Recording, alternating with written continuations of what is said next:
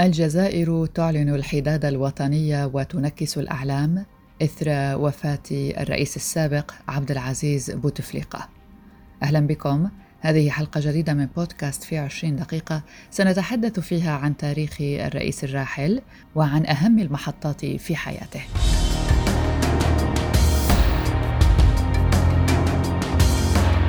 أعلنت رئاسة الجمهورية الجزائرية مساء الجمعة السابع عشر من سبتمبر أيلول وفاة الرئيس السابق للجزائر عبد العزيز بوتفليقة عن عمر ناهز 84 سنة.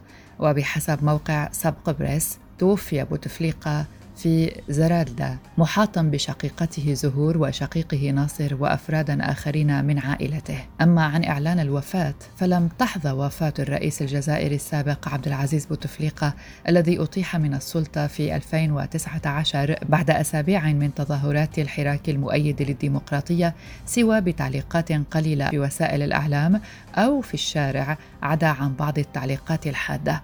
فأثناء الليل اكتفت الرئاسة ببيان صحفي مقتضب. أعلن وفاة بوتفليقة المولود في الثاني من آذار مارس 1937 في مكان إقامته. واكتفت المحطات الإذاعية والتلفزيونية بذكره بشكل موجز دون تخصيص أي برنامج له. وواصلت الإذاعات بث الموسيقى وبرامجها الترفيهية كما تفعل في أي نهاية أسبوع عادية. وغاب خبر الوفاة عن كل الإصدارات المطبوعة من الصحف إذ أعلن بعد إغلاقها لكن بعضها مثل صحيفة المجاهد الحكومية اليومية ذكرت الخبر في مقتطف في نسختها الإلكترونية وبعد صمت أعلنت السلطات الجزائرية تنكيس الأعلام ثلاثة أيام عبر كامل التراب الجزائري وذلك بدأ اعتبارا من السبت الفائت بقرار من الرئيس عبد المجيد تبون بعد وفاة الرئيس السابق المجاهد عبد العزيز بوتفليقة بحسب بيان صادر عن رئاسة الجمهورية.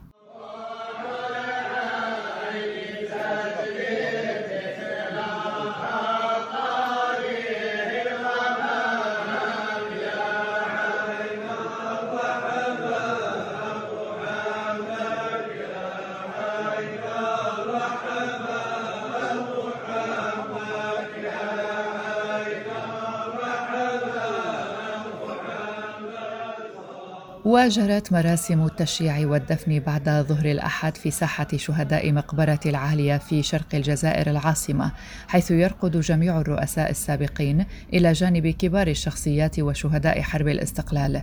وكان موكب جنازته وصل إلى مقبرة العالية بعد قطع مسافة 30 كيلومترا من زرالدا.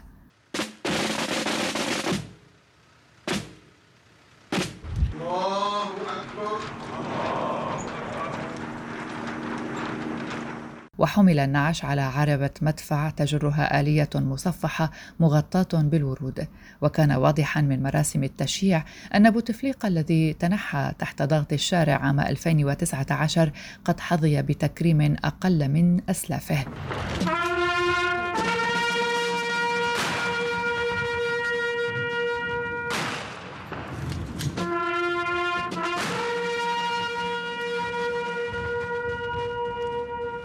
وغاب العديد من المراسم الرسمية المتعارف عليها أثناء توديع الزعماء كإطلاق العيارات النارية أو طلقات المدافع في السماء كما تم إلغاء محطة إلقاء النظرة الأخيرة بقصر الشعب وشهدت المنطقة المحيطة بالمقبرة العالية تجمعا لعدد من المواطنين منذ الساعات الأولى لنهار الأحد ممن جاءوا لتوديع الرئيس وسط حضور أمني مكثف.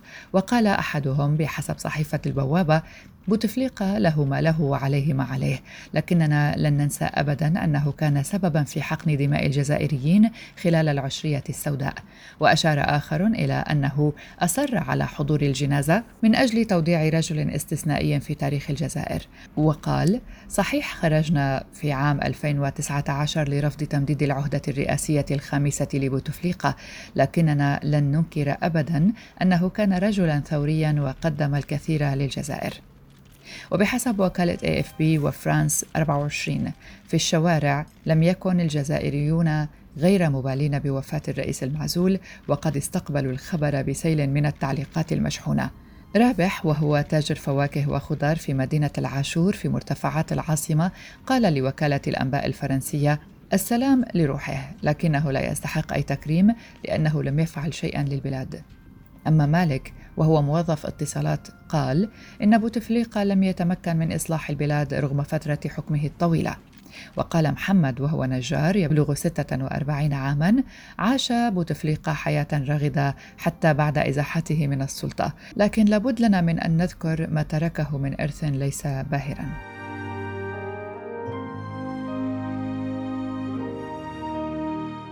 آخرين يعتقدون أن البلاد تحسنت عندما أصبح بوتفليقة رئيسا. فقد أضاف أحدهم أن المشكلة الوحيدة التي كانت تواجهه هو مرضه أي مرض بوتفليقة وإلا لكان من الأفضل لو بقي رئيسا مشيرا إلى عملية المصالحة بعد العقد الأسود.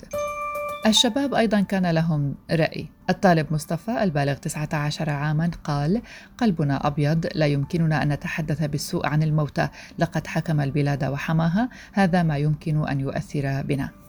ونشرت وكالة الأنباء الجزائرية صورة عن الجنازة التي قالت إنه قد حضرها إلى جانب رئيس الجمهورية عبد المجيد تبون كبار المسؤولين في الدولة وأعضاء الحكومة وأفراد من عائلة الراحل. وزير المجاهدين وذوي الحقوق العيد ربيقة ألقى كلمة تأبينية ذكر فيها المسيرة النضالية للفقيد وأبرز محطات حياته السياسية. أما المحامي الجزائري سليم ديراش حجوطي فقد قال إنه توجه شخصيا إلى السجن لإبلاغ موكله السعيد بوتفليقة عن خبر وفاة شقيقه عبد العزيز رئيس الجزائر السابق.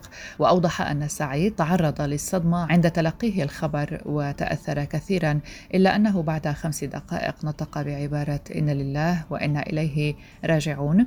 واسترجع قواه قبل أن يطلب التماسا من قاضي تطبيق العقوبات لتمكينه من إلقاء النظرة الأخيرة على جثمان شقيقه الذي رافقه ليلا ونهارا طيلة سنوات. اللهم اغفر له وارحمه وعافه واعف عنه وأكرم نزله ووسع مدخله. اللهم اغسله بالماء والثلج والبرد. اللهم نقه من الذنوب والخطايا كما ينقى الثوب الأبيض من الدنس. وقبل الجنازة منحت السلطات تصريحا استثنائيا لشقيق الرئيس السعيد بوتفليقة المتواجد بسجن الحراش لإلقاء النظرة الأخيرة على شقيقه بمقر إقامته فيما لم يسمح له بحضور الجنازة. وجدير بالذكر أن السعيد بوتفليقة يوجد في سجن الحراش منذ ديسمبر 2020 حيث يتابع في عدة قضايا فساد مالي وسياسي وحكم عليه باثنتي عشرة سنة وسيمثل أمام محكمة الجنايات الأسبوع المقبل المقبل رفقة الوزير السابق لطيب لوح وخمسة عشر متهما وستة وثلاثون شاهدا. من عز بالرئيس المتوفي من الملوك والرؤساء حول العالم؟ جاء في بيان لرئاسة الجمهورية الجزائرية الأحد التالي ليوم وفاته تقدم عدد من الرؤساء والملوك بتعازيهم لرئيس الجمهورية السيد عبد المجيد تبون وللشعب الجزائري إثر وفاة رئيس الجمهورية السابق المجاهد عبد العزيز بوتفليقة وهم. خادم الحرمين الشريفين الملك سلمان بن عبد العزيز وولي عهده محمد بن سلمان رئيس الجمهورية التونسية قيس سعيد ملك المغرب محمد السادس الذي أرسل تعازيه الخالصة لتبون والشعب الجزائري وآل بوتفليقة مؤكدا أن الرئيس الراحل طبع مرحلة مهمة في تاريخ الجزائر الحديث سواء خلال فترة نشأته ودراسته بمدينة وجدة أو في مرحلة النضال من أجل استقلال الجزائر.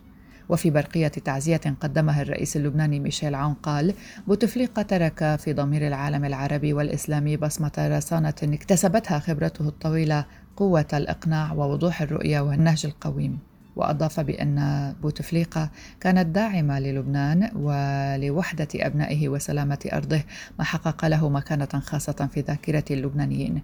أما الشيخ محمد بن زايد آل نهيان ولي عهد أبو ظبي نائب القائد الأعلى للقوات المسلحة الإماراتية قال إن الرئيس الجزائري الراحل عبد العزيز بوتفليقة ربطته علاقة وثيقة بالشيخ زايد بن سلطان آل نهيان مؤسس الإمارات العربية المتحدة وكتب في تغريدة له يوم الأحد بموقع تويتر رحم الله عبد العزيز بوتفليقة رئيس الجزائر السابق واحدا من رموزها الوطنية.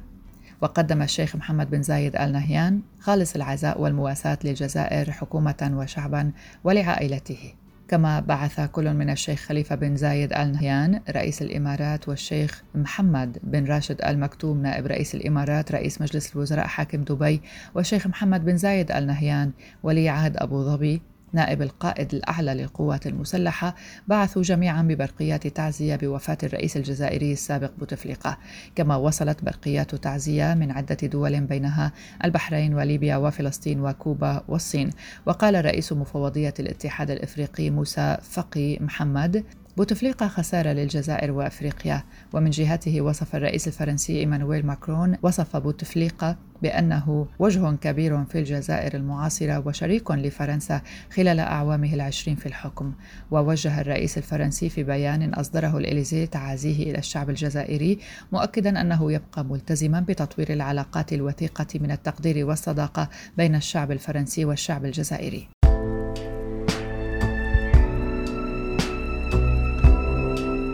أما عن المحطات الأهم في حياة الرئيس الجزائري الراحل بوتفليقة. ولد عبد العزيز بوتفليقة في عام 1937 في مدينة وجدة المغربية لأبوين ينحدران من مدينة تلمسان الجزائرية. لعب بوتفليقة دورا في حرب الاستقلال في الجزائر في فترة الخمسينيات والستينيات حيث انضم عام 1956 إلى جيش التحرير الوطني وهو الجناح العسكري لجبهة التحرير الوطني المناضلة من أجل الاستقلال عن فرنسا. عين في منصب وزير الشباب والرياضة والسياحة لعامي 1962 و 1963 في أول حكومة بعد الاستقلال في عهد الرئيس أحمد بن بله تسلم منصب وزير الخارجية من عام 1963 حتى عام 1979 في عهد الرئيسين بن بلة وهواري بومدين وكان آنذاك في منتصف العشرينات من العمر. فأصبح أصغر شخص يتولى هذا المنصب في العالم الذي استمر فيه قرابة الستة عشر عاما.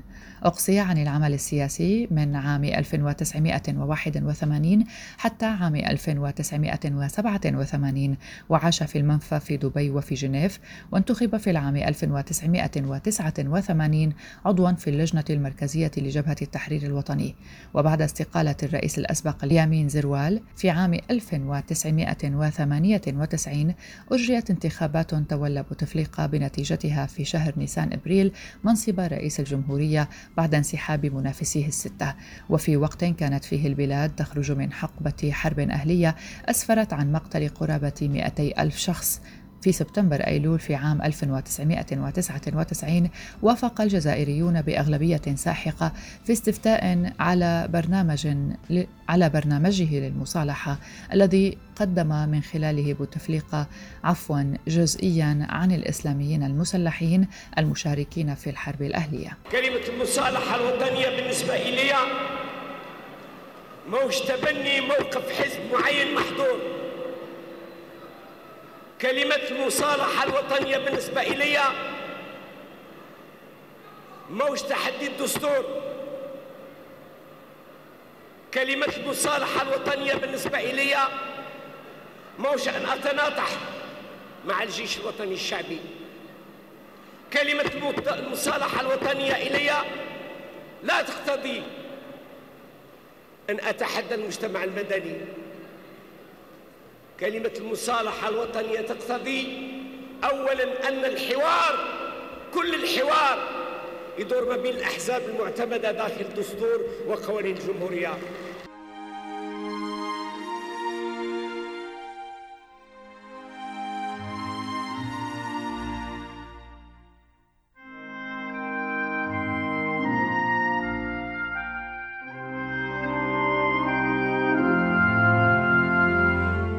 أعيد انتخابه لولاية ثانية عام 2004 وأجرى عام 2005 عملية جراحية في مستشفى فرنسي بعدما عانى من مشاكل في المعدة. فاز عام 2009 بولاية ثالثة بنسبة 90% من الأصوات بعد تعديل في الدستور ليسمح ببقائه خمس سنوات أخرى في المنصب. وفاز عام 2014 بولاية رئاسية رابعة بعد ظهوره مرة واحدة خلال حملته الانتخابية على كرسي متحرك بسبب إصابته بجلطة في العام السابق. في عام 2013 أي قبل استقالة بوتفليقة بنحو ستة أعوام أصيب بجلطة دماغية لم يظهر إثرها إلا نادرا في فعاليات عامة وعاش بعيدا عن الأنظار في عزلة في مقر إقامته الطبي في زرادلا في غرب جزائر العاصمة. وكان آخر ظهور له يوم تقديمه استقالته إلى رئيس المجلس الدستوري السابق الطيب بلعيز ورئيس مجلس الأمة عبد القادر بن صالح الذي تولى بعده رئاسة الدولة بحكم الدستور إلى غاية إجراء انتخابات رئاسية في الثاني عشر من ديسمبر 2019 والتي فاز بها الرئيس عبد المجيد تبون وقبل ذلك أي في شباط فبراير 2019 ترشح لولاية خامسة متسببا في اندلاع الاحتجاجات الواسعة. تدهورت صحة بوتفليقة وأصبح عاجزا عن الكلام نتيجة الجلطة الدماغية وأرغم على الاستقالة التي ذكرناها في الثاني من نيسان إبريل 2019 إثر شهرين من التظاهرات الحاشدة لحراك شعبي رفضا لترشحه لتلك الولاية الخامسة على التوالي. وختاما توفي عبد العزيز بوتفليقة الجمعة السابع عشر من سبتمبر 2021 الرئيس الذي حكم الجزائر عشرين عاما من 1999 وحتى 2019 مسجلا رقما قياسيا في مدة الحكم في الجزائر.